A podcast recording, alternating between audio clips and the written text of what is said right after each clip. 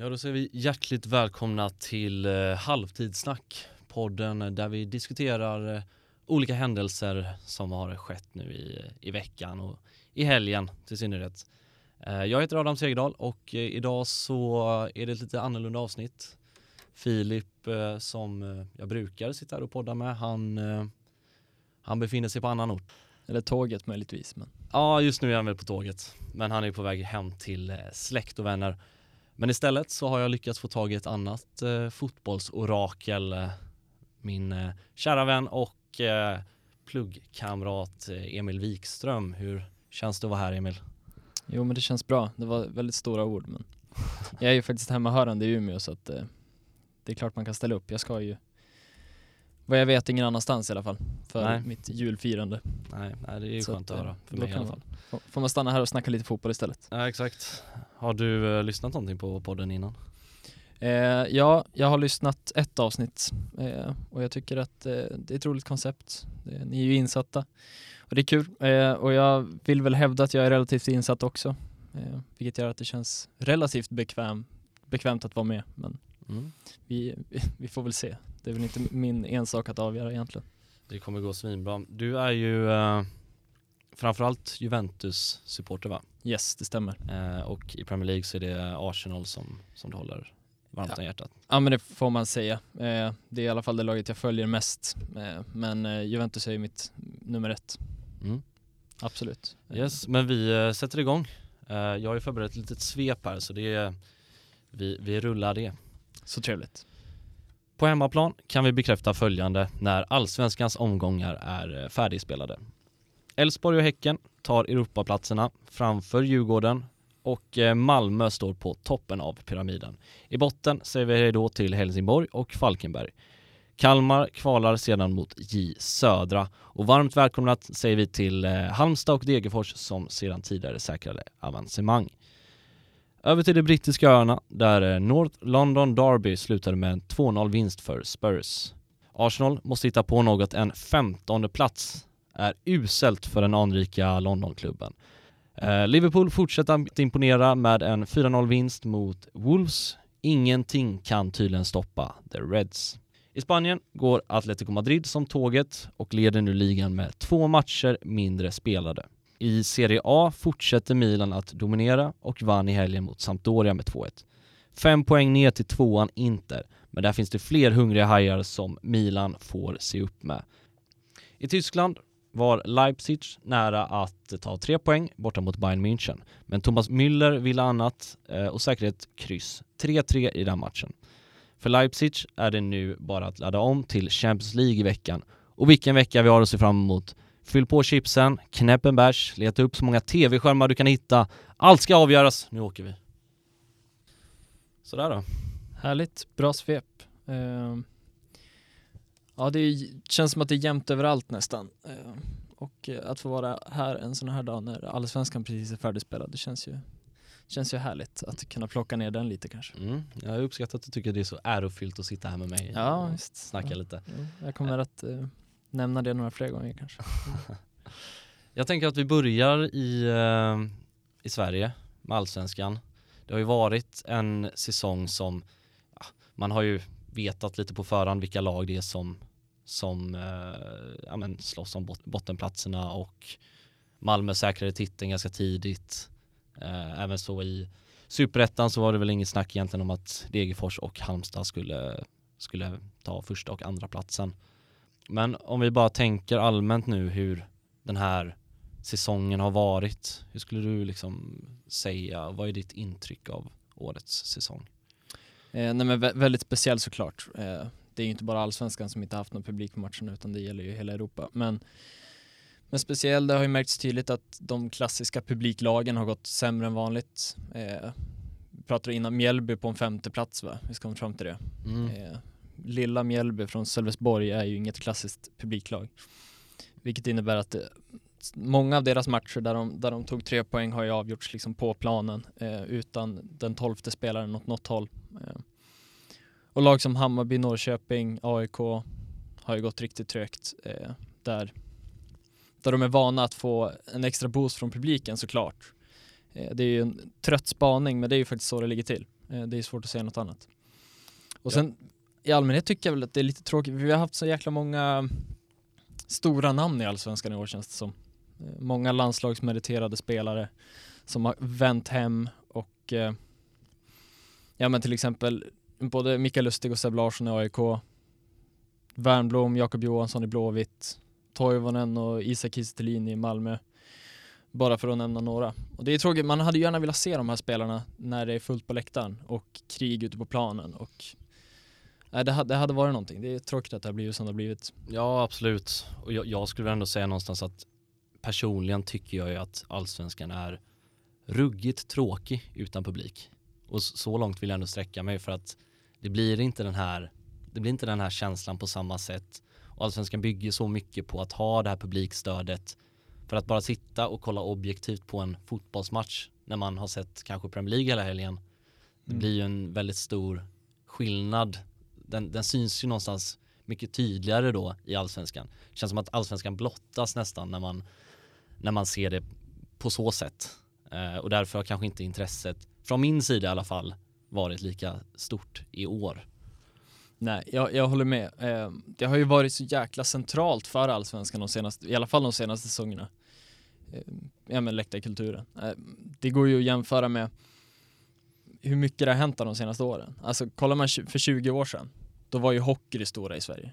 Det var ju den stora publiksporten. Mm. Nej men då var det ju derby, derbyna mellan Djurgården och AIK i hockey som var de stora derbyna. Eh, och de senaste åren har det ju helt vänt åt fotbollen.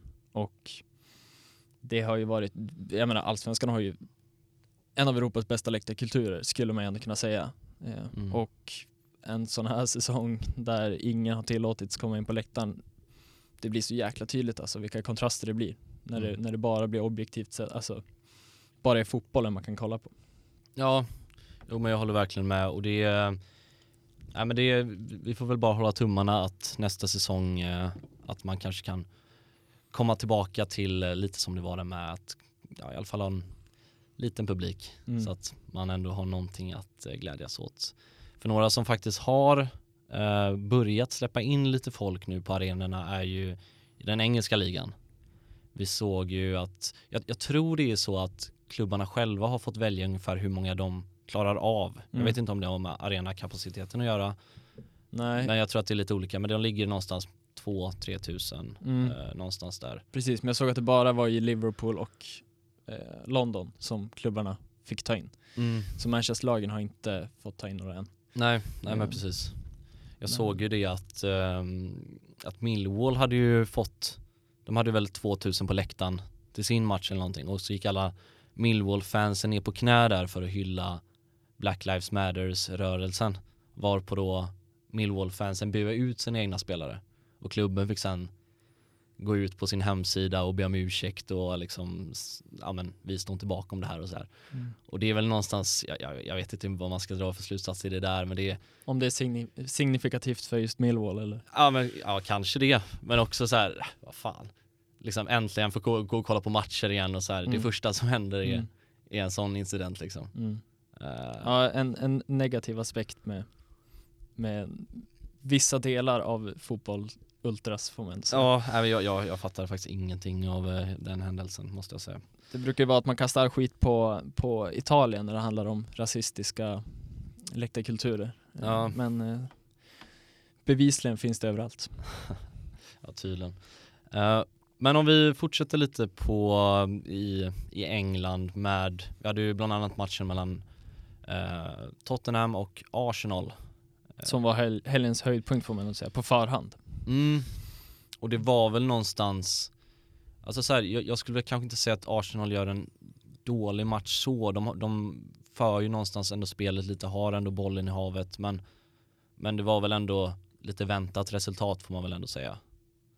Ja, eh, verkligen. Och jag tycker det var en konstig match på det sättet, precis som du säger, de har 70-30 bollinnehav för Arsenals favör liksom. Mm. Men ändå så känns det inte som att någon, det känns inte som att vid ett enda tillfälle i matchen att Arsenal är ett bättre fotbollslag. Alltså de rullade runt, eh, men hela tiden känns det som att Tottenham har kontroll på matchen. det går inte att säga att Arsenal är bättre även fast de styr spelet. Eh, vilket, ja, vilket är ganska det är ganska typiskt för Arsenal och har varit det under en, en lång tid att, att passningar i sidled eh, har inte de här individuellt skickliga fotbollsspelarna som kan göra det som Son och Kane gör. Eh, Nej. och speciellt nu med, med Aubas, Aubameyangs eh, formsvacka får man ändå kalla det. Mm, och jag tycker att man märker det så himla tydligt att det är inte den Aubameyang som vi har sett tidigare säsonger. Och att det då påverkar ett lag som Arsenal så otroligt markant. För det är ändå en spelare som, det är ju egentligen den enda spelaren i Arsenal som faktiskt skulle kunna gå in i en toppklubb i Europa. De har ju inte den bredden, den truppen i övrigt som kan göra det på egen hand och saknar man då saknar man, saknar man då Aubameyangs målskörd så blir det liksom det sätter spår i klubb och det är liksom, blir någonstans det här resultatet av att de ligger på en 15 plats. De har gjort totalt 10 mål i år. Mm. Det är ett mindre än Fulham som ligger på 16 plats. Mm. Och lika många som Heung-Min Son i Tottenham. Ja, som han har gjort själv. Mm. Och det är väl också det här att Arsenal, Arsenal har ju tidigare haft problem med försvaret. De har fått in en Thomas Partey som är en jättebra värvning. Men försvaret har ju fortfarande stora hål Mm. och anfallet är ju heller inte där det ska vara. Alltså det, det finns, de har kommit till någon slags mellanting Mm. med att visst att de håller boll men de har inget stabilt försvar och de har inget anfallsspel. Nej. Nej, det finns ingen spets åt något av hållen. Och det är just det här att hur mycket både Arsenal-fans och, eller Arsenal-fans, de eh, är väl delade i den frågan, men hur, hur mycket ledningen och mm, liksom sportchef och allt har trott på Aubameyang. Och det går ju inte att, att säga, jag menar det har ju varit 20 målsgaranti på Aubameyang de senaste åren. Mm. Han har varit hur bra som helst och såklart Arsenals bästa spelare. Men jag menar han är ändå 31, 32, någonstans där. Eh, och det finns liksom ingen tydlig plan i hur det ska gå till om Aubameyang som nu då är inne i en formsvacka och inte gör det där lilla extra. Inte tar de där lilla, e- de, liksom, de extra besluten och de, de Aubameyang-besluten som han, har, som han har gjort när han har varit full, full med självförtroende liksom. Eh, Nej Det- men det, det är också så här, jag, jag blir också lite så här, vad, vad ska egentligen Arsenal göra då för att liksom komma in på rätt bana igen? För att det blir så här, ja men då börjar man diskutera, ska, är Arteta verkligen rätt man? Ska man kanske försöka få in en annan tränare? Eh, det finns ju tränare som Allegri till exempel som kanske skulle kunna gå in i Arsenal. Men är det liksom rätt beslut eller ska klubben fortsätta satsa på Arteta? Och det finns ju samtidigt kanske inte heller så mycket medel att, att jobba med för att stärka laget heller. Och det är någonting, och det här kanske du kan ge svar på, jag, jag vet inte, för att jag själv har, jag har aldrig riktigt förstått hur det kommer sig att, att Arsenal som är en så pass liksom, stor klubb aldrig har pengar. mm. Alltså så här, de har ju aldrig pengar att värva för. Kolla, kolla på liksom Everton plockar in hur mycket spelare som helst. Mm. Leeds plockar in liksom en Rodrigo från Valencia och så vidare liksom. Mm. Arsenal plockar in, ja, Partey då, men det känns som Mm. att det alltid är jävligt tomt i plånkan liksom. Verkligen. Eh, ja men precis som du säger, Thomas Partey har ju nästan varit oumbärlig nu Mm. för det här laget och han har ju varit lite småskadad. Han var ju redan småskadad innan den här matchen, men Arteta väljer att starta honom ändå, gör det jättebra i första halvlek, blir utbytt inför andra. Ceballos kommer in och ja, jag vet inte, det går inte, de ligger redan under med 2-0, men han har blivit jätteviktig och just den här just det här med Arsenal och, och, och deras värvningsbudget. Jag vet inte riktigt vad det har att göra med. Det känns ju som att de, när man kollar på så lista på topp 10 världens rikaste klubbar, så är ju Arsenal där, de är kanske 9, 8, 9 någonstans. Mm.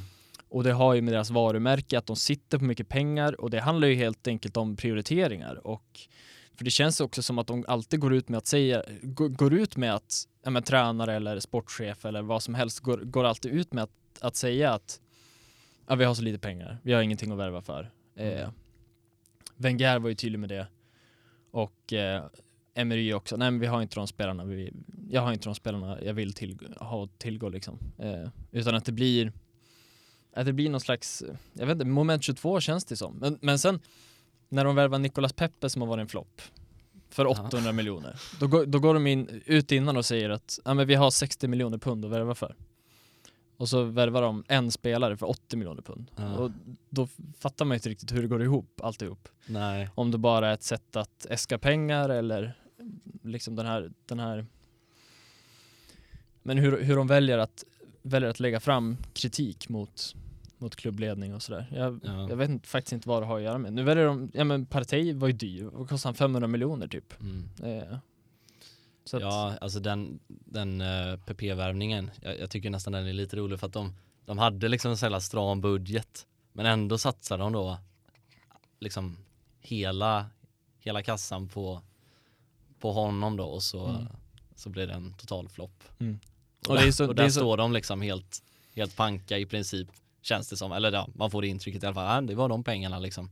exakt. Och sen sitter liksom Özil på läktaren och liksom sitter där Drar på in lön, drar spelar in- Fortnite. Ja exakt, Mm. sitter där och drar in eh, ja, men en, en, en lön som, eh, som den klubben kanske är i stort behov av. Mm. Jag vet inte, det kanske är lite att de har, de har kanske fastnat i det här med löner och sånt där också, att det, de har för höga löner på sina spelare och Mm. så det kan ju också så här trigga igång någonting om att ja men han har ju så här mycket lön och då ska den här spelaren också ha så mycket lön. Att man skjuter sig själva lite i, i foten med att höja upp lönerna till sina spelare också. Mm.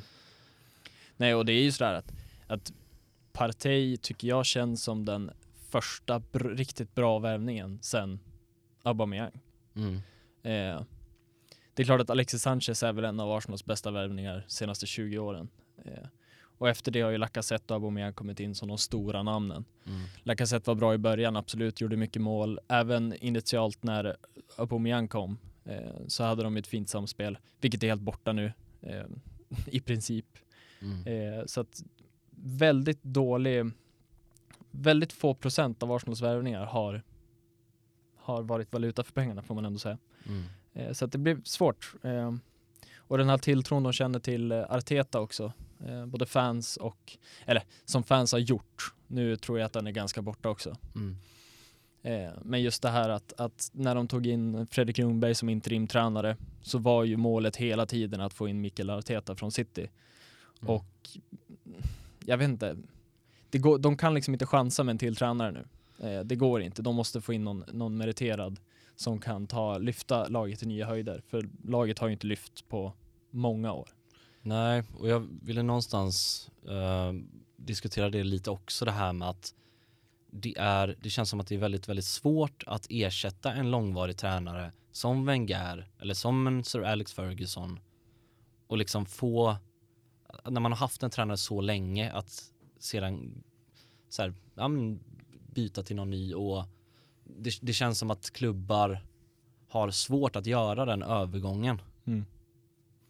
Verkligen. Eh, det har ju varit jättetydligt att Wenger satt ju sin prägel på Arsenal från 96 till, ja vad blir det, 2016. Mm. Eh, och han hade sitt sätt att tänka, sina spelare att värva. Värva ju mycket franska, unga spelare.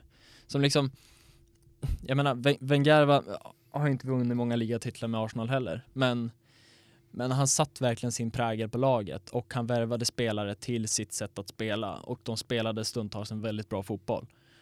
Och det är klart att det blir väldigt svårt att ersätta en sån tränare och ja, uppenbarligen har det varit det. Framförallt fick han ju resultat med sig. Det var ju Ja. det som var hans styrka, att han säkrade en fjärde plats Han, han med det, ett spelarmaterial som kanske inte var en ja, men, fjärde plats kompatibelt.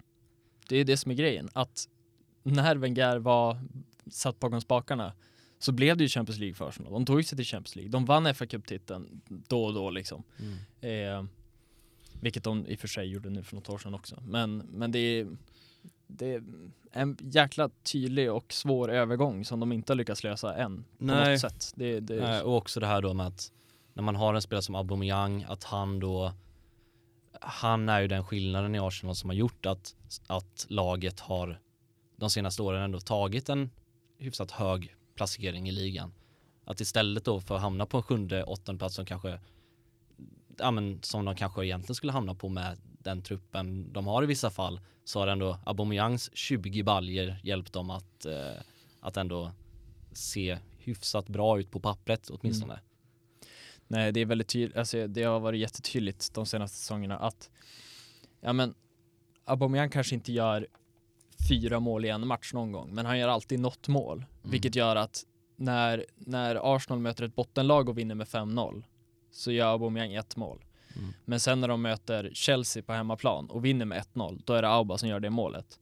Vilket har gjort att han verkligen har varit den, den avgörande spelaren som har gjort att Arsenal har fått med sig så många fler poäng än vad de kanske skulle ha fått med, ja, med, med, en, med en annan spelare med andra egenskaper. Det är, det är jättetydligt. Mm. Ja men det återstår att se vad Arteta hittar på för någonting behöver han göra. Mm. Ehm, och ja, kanske få in en Aubameyang lite mer centralt kanske hade varit någonting. Vi får la se helt enkelt. Ja, men det- Ehm, vi ska inte fastna allt för länge i, ehm, i Arsenal. I Eh, Arsenal-haveriet. Arsenal-haveriet, nej. Eh, vi kanske till och med ska lämna England lite och titta på Serie A för att det var en match mellan Milan och Sampdoria bland annat i helgen. Mm. Jag tycker inte att Milan gör en, en jättebra match egentligen men de har ju någonstans hittat den här vinnarmentaliteten och ja, men lyckas vinna matchen, ta med sig tre poäng och det är ju någonstans det som räknas. Exakt. Precis som du säger, förra året hade en sån här Milan-match förmodligen slutat 1-1 eller med uddamålsförlust. Men nu har de hittat, hittat så pass rätt att, att sådana här matcher väger över till deras fördel till slut ändå. Ja, och jag vet att vi har pratat om det här tidigare i podden, men att det syns, det lyser verkligen på vissa spelare att de, de någonstans tror på det här, på det här laget och de, eh, de tror på Pioli och de har liksom en tydlig plan om hur de ska, ja men hur de ska vinna matcher och det är många spelare i Milan som verkligen utmärker sig som man, ja men på förhand kanske inte hade så höga förväntningar på men, men som faktiskt gör det otroligt bra. Mm. Eh, och en spelare som jag tänker på väldigt mycket det är ju Donnarumma som jag tycker är, ja men han är ju briljant, han är ju fullständigt lysande i målet. Mm. Han, eh, han är en stor anledning, för att man pratar mycket om Milans spel och så här, men han är också en stor anledning till att de fick med sig den här vinsten mot Sampdoria. Mm. Eh, och jag tycker att det lyser självförtroende om honom och ja, men andra spelare i laget som Theo Hernandez och uh, Kessie och, och så vidare. Mm. Nej, verkligen. Och det är ju ett självförtroende som Donnarumma kanske har saknat de senaste säsongerna. Det är alltid, han är ju fortfarande ung, Mm. men han är 21. Det känns som att han har varit det i 100 år. Men det är, det är lite det här att, att han de senaste säsongerna har han ändå, man har alltid sett att han var en bra, bra målvakt men det kommer alltid en blunder då och då vilket har gjort att han, man har märkt att hans självförtroende har sänkts. Eh, och det kunde inte passa bättre än en sån här säsong för, för honoms del heller. Just att, att Milan spelar bra, han känner att han spelar bra, vilket gör att han kan rida på den vågen och, och bli en jätteviktig kugg i, i, i laget, helt klart. Mm. Ja, men vi får se här om, om Milan lyckas eh, ja, men fortsätta på det vinnartåget som de har, har eh, gjort här nu då. För att det är ju samtidigt, det är väldigt tajt bakom Milan i toppstriden där. Nu är det fem poäng ner till andra platsen Inter, men Mm. det är ju samtidigt, det är många lag där. Det är, det är ju Napoli och Juventus har ju liksom, fick med sig ett, ett, en sen vinst nu senast här Mm. ja, men det känns som att det är inte tid att slappna av i det här eh, Scudetto-racet i alla fall. Nej. Nej, verkligen inte. Och nu lyckas ju Milan vinna även utan Zlatan och sådär. Eh, vilket är ett styrkeprov i sig. Eh, och eh, jag menar, Juventus har väl inte varit så här dåliga sen de vann sin Scudetto 2011 som är första av nio raka liksom. Eh, och det är med en av de bästa spelarna genom tiderna i laget, Ronaldo. Och eh, det är konstigt hur det kan komma sig. Eh, Ja, alltså så här, det, det, man kan ju fråga sig lite om, om det finns då ett, ett slags, mm, alltså så att det finns lite någon omotivation i, i Juventus med att inte är någon publik och man, man suktar ju efter den här Champions League-titeln väldigt mycket och har gjort väldigt länge nu. mm. Eh, och, och det känns som att det kan, det kan straffa dem ganska mycket att inte vara helt påkopplade hela tiden. Mm. Nej men verkligen. Och eh, ja, men just det här att den vinnarmentaliteten som har funnits i Juventus de senaste åren har ju varit, ja men den har ju varit bäst i, bäst i Italien och bäst liksom det är just Champions League som de inte har lyckats ta men, men ligan ska de bara vinna. Och så har det varit de senaste åren att, att vinner de inte match i ligan så kastas det skit och eh, hela staden när de är så, när de är så vana att vinna att det är liksom, ja men vi är bäst, vi, det är liksom, vi kan möta vilket lag som helst i ligan, vi ska bara vinna. Mm. Och den här säsongen har ju blivit väldigt, ja men den har inte spelats i händerna på Juventus direkt. Ny tränare, Pirlo, ingen erfarenhet överhuvudtaget. Eh, och jag tror att eh, jag vill ju inte tro att, som Juventus-supporter vill jag inte tro att det är brist på motivation för att det är liksom det som har just varit det tydliga Juventus-tecknet de senaste åren att, att motivationen finns alltid där. Vi kan slå vilket lag som helst. Mm. Men det känns som att den är, det är lite bortblåst nu. Ja, jag, jag vet inte. Alltså det, är, det är svårt att liksom eh, svårt att säga exakt vad det är som, som sker inom Juventus. Och jag tror heller inte att de, de accepterar inte att ett annat lag går och förstör i deras vinststreak här i eh, Scudetto. Nej. Men eh, om man tänker så här då, om, om du får välja, du som har du som är Juventus-supporter främst men även Arsenal-supporter. Skulle du helst vilja se ett Juventus som tar Scudetton i år eller att Tottenham inte får Premier League-titeln? Mm, just det. Ja, det är ju en väldigt bra fråga med tanke på att man har ju aldrig behövt tänka den tanken att Tottenham ska vinna ligan. För det har ju varit en oskriven regel att de aldrig sk- någonsin skulle göra det. Eh, men det ser ju mm, det ser ju onekligen bra ut i år för dem. Eh, och med de spelarna och med Mourinho som tränare som man vet att han kan plocka fram det där lilla extra. Eh, Och han har ju varit där för, vunnit ligan för. Eh, Mm.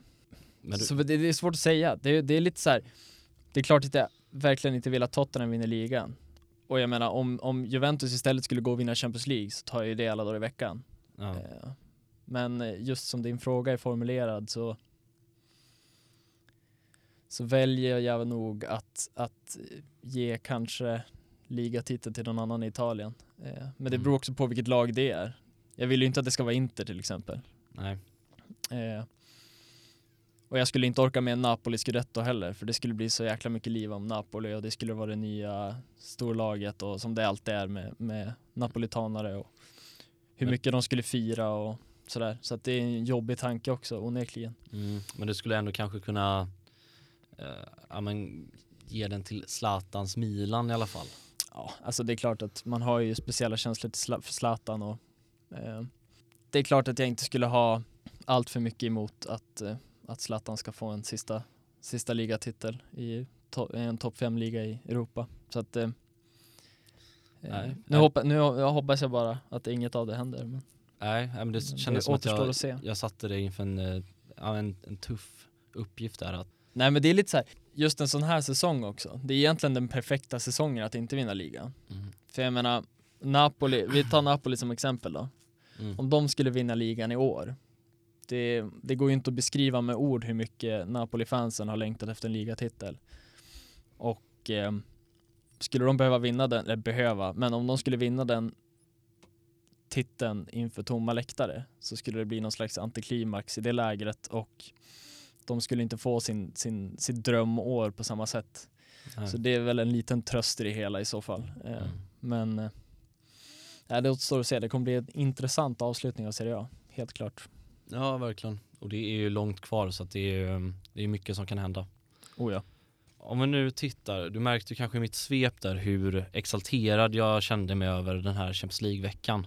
Mm. För det är ju en vecka som eh, jag tycker det ska bli kul. Det, det känns som att det var länge sedan som det faktiskt någonstans betydde så här mycket ute i fotbolls-Europa med, med att det är många klubbar som slåss om att, ja men för det här avancemanget i, i Champions League-slutspelet eh, och komma vidare från gruppen. Och vi har ju bland annat, det, det är flera grupper att hålla koll på här. Vi har ju dels den här gruppen med eh, ja, men med Real Madrid, eh, Mönchengladbach och ja, vilka är det mer som slåss där? Inter. Shakhtar och Inter, ja precis. Ja, Mm. Som är, den är ju väldigt, väldigt öppen den gruppen. Mm. I och med att Inter är ju visserligen lite beroende hur det går i Real Madrid-matchen. Mm. Men att alla lag faktiskt har möjlighet att nå eh, avancemang där, Mm. om inte jag har helt fel.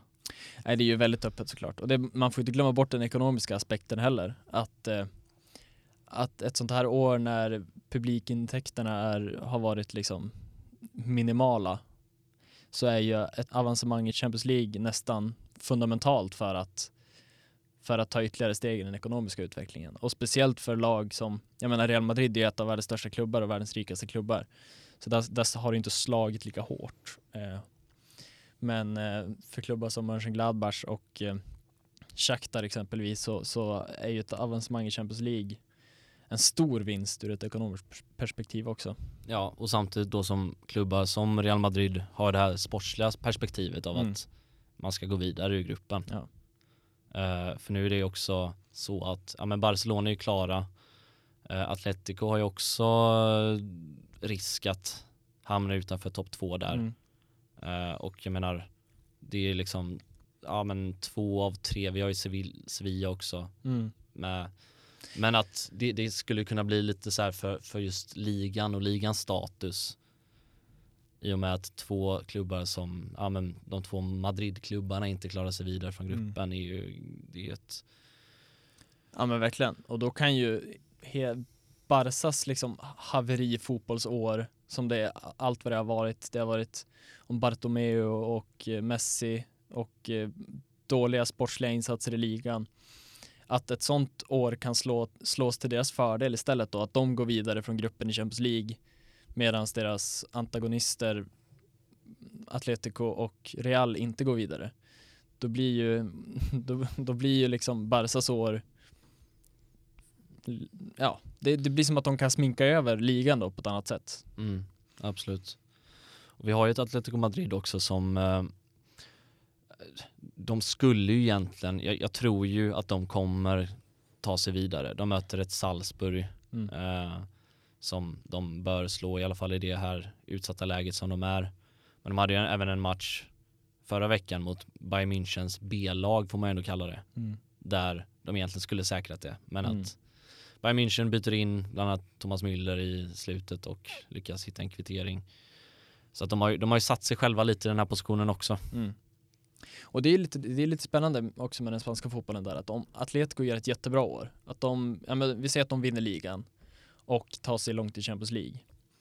Då spelar det egentligen ingen roll på samma sätt hur det går för Real eller Barca. Det hade ju varit annat om Real hade vunnit ligan och gått långt i Champions League. Mm. Barca åkt ut i gruppen och hamnat på en femte plats i ligan. Mm.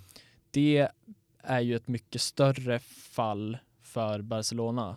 Eh, och då ser man på Barcelona ur ett annat perspektiv och med andra ögon när det går så pass bra för Real. Mm. Men det, det blir som att Atletico blir båda storklubbarnas räddning i det hela, om det går bra för dem. För det är som att, ah, ja men de kan få vinna ligan så länge inte Real eller Barca gör det. Nej, samtidigt Ja. som att det kan finnas en fördel för um, Atletico Madrid att säga att de åker ur då Champions League Mm. men kan lägga fullt fokus på ligan där Mm. de är de ju- har ju varit, ruggigt bra i La Liga än så länge. De Mm. leder ligan, de har två mindre matcher spelare än, än övriga lag i princip. Och att då eh, toppkonkurrenten som Barca och Real har Europaspel samtidigt skulle ju kunna påverka dem positivt i den bemärkelsen. Men det är, klart att de, det är klart att de vill ta sig vidare, det är ju ingen snack om den saken. Mm. Atletico är ju ändå en toppklubb som de ska ju ändå fightas om att ta sig långt i Champions League. Mm. Ja men speciellt ett sånt här år när, när de känner att men vi är faktiskt sportsligt bättre än Real och Barca just nu. Eh, då kommer inte de acceptera att ses som tre, Spaniens tredje lag. Utan de kommer ju vilja avancera både i Champions League och i ligan Mm. för att visa att de hör hemma där liksom. Ja men verkligen. Men vi har fler matcher att eh, blicka fram emot. Eh, vi har ju bland annat en grupp med United i toppen, följt av PSG och Leipzig som är, den är ju otroligt öppen om andra platsen där också. Det känns väl som att eh, PSG inte kommer att ha några direkta svårigheter med ett eh, Basaki. Bashak Shihir, ja något sånt där. Bashar Shakir. Ja. Jag vet inte hur det uttalas, men eh, det känns som att de kommer vinna den matchen och att det är väldigt, väldigt öppet mellan United och Leipzig om den här andra platsen. Ja, det är väl alla på nio poäng va? De tre lagen. Ja men precis och det är ett Leipzig som de torskade ju visserligen med 5-0 senast mot United Mm. men de har ju verkligen ryckt upp sig nu och bland annat mot Bayern där så var de ju ruggigt nära att vinna den matchen. Mm. Eh, har även, Emil Forsberg i stor form.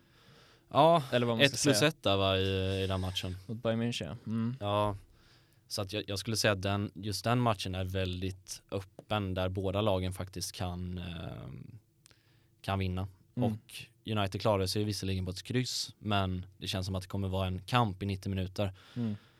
Vi var inne lite där också att jag, jag tycker att det är flera klubbar i år som, som kanske har presterat i ligan men inte presterat i Champions League. Mm. Och vissa klubbar har presterat i Champions League men inte så mycket i, i eh, sina respektive ligor. Och United är ju bland annat ett sånt lag som, de har ju ryckt upp sig lite nu på slutet men att just i Champions League har det ju faktiskt sett väldigt, eh, väldigt bra ut. Dels vinsten mot Leipzig och vann mot PSG i första omgången också. Och senaste matchen mot PSG så var de, de var ju värda nästan att ta med sig någon poäng i den här matchen med. Det var ju Mm. egentligen eh, Freds röda kort där som, Mm. Solskärs matchcoachning ja, får man väl ändå säga. ja jag, var, jag kan säga att jag var ruggigt eh, arg efter den matchen Mm. på grund av det beslutet att inte byta ut Fred för att det, det känns som att en juniortränare hade nästan kunnat se det Mm. komma det röda kortet. Men eh, Men då kommer istället 3-1-segern mot eh, West Ham borta. Och allt är frid och fröjd igen. Ja Eller? men då är allt lugnt igen. Mm. Då får han ytterligare ett, eh, ett liv där. Mm. Katten med nio liv. Mm. Visst. För det var ju mycket snack om det här att om, ja men just den här botteninsatsen mot PSG får man ändå säga. Att det skulle följas upp med ett poängtapp mot West Ham och sen uttåg ur Champions League. Mm. Att det hade kunnat vara droppen som fick bägaren att rinna över för Ole Gunnar. Ja, Men som sagt, nu blev det ju vinst senast eh, så att eh, nu är han nog jävligt sugen på, på att ta den där Champions League-platsen. ja men verkligen och det, ja, men det kommer bli spännande att se den matchen. Eh, om vi tittar i övriga grupper. Vi har bland annat gruppen med Liverpool, Atalanta, Ajax. Mm. Där eh, Liverpool är klara. Men Atalanta och Ajax kommer göra upp om eh, andra platsen. Helt avgörande match där va? Ja, och det är lite, lite samma sak där då att Atalanta som inte har varit jättebra i Serie A har ändå gjort det bra nu i, i Champions League. Och det är en match som på förhand är också väldigt svår att tippa hur den kommer gå. För det är ganska, det är ganska två, det är två lag med ganska olika typer av fotboll. Med ett Ajax som, som har kanske det här lite mer snabbare, lite mer offensiva inriktade eh, spelet medan Atalanta jobbar mycket kontringar och satsar på en stabil defensiv. Mm. Men det är egentligen det som vi har att, eh, ja men det är väl våra rekommendationer att man ska följa lite extra. För det kommer, eh, kommer vara många matcher som blir avgörande, vilket jag tycker är, nej, jag tycker det är kul och jag Mm. ser verkligen fram emot eh, den här Champions League-omgången. Den känns väldigt öppen och det är svårt på förhand att eh, förutse hur, hur det här kommer sluta. Ja verkligen. Det är ju ofta så i Champions League-gruppen att, att till en början så är det lite segt. Ja det spelar egentligen ingen roll vilka som vinner tänker man de första matcherna. Och sen i slutet när det drar ihop sig mot, eh, mot nu sista sjätte omgången blir det va? Eh, Så, så är det tajt i nästan alla grupper vilket gör det oerhört spännande. Mm. Se vilka som plockar en åttondelsfinalsplats. Ja men vi, vi avslutar där någonstans och säger tack så mycket för att ni lyssnade och eh, stort tack till dig Emil som eh, ville komma hit och, och gästa det här avsnittet. Tack så mycket, det var trevligt. Tack så mycket, ha det bra.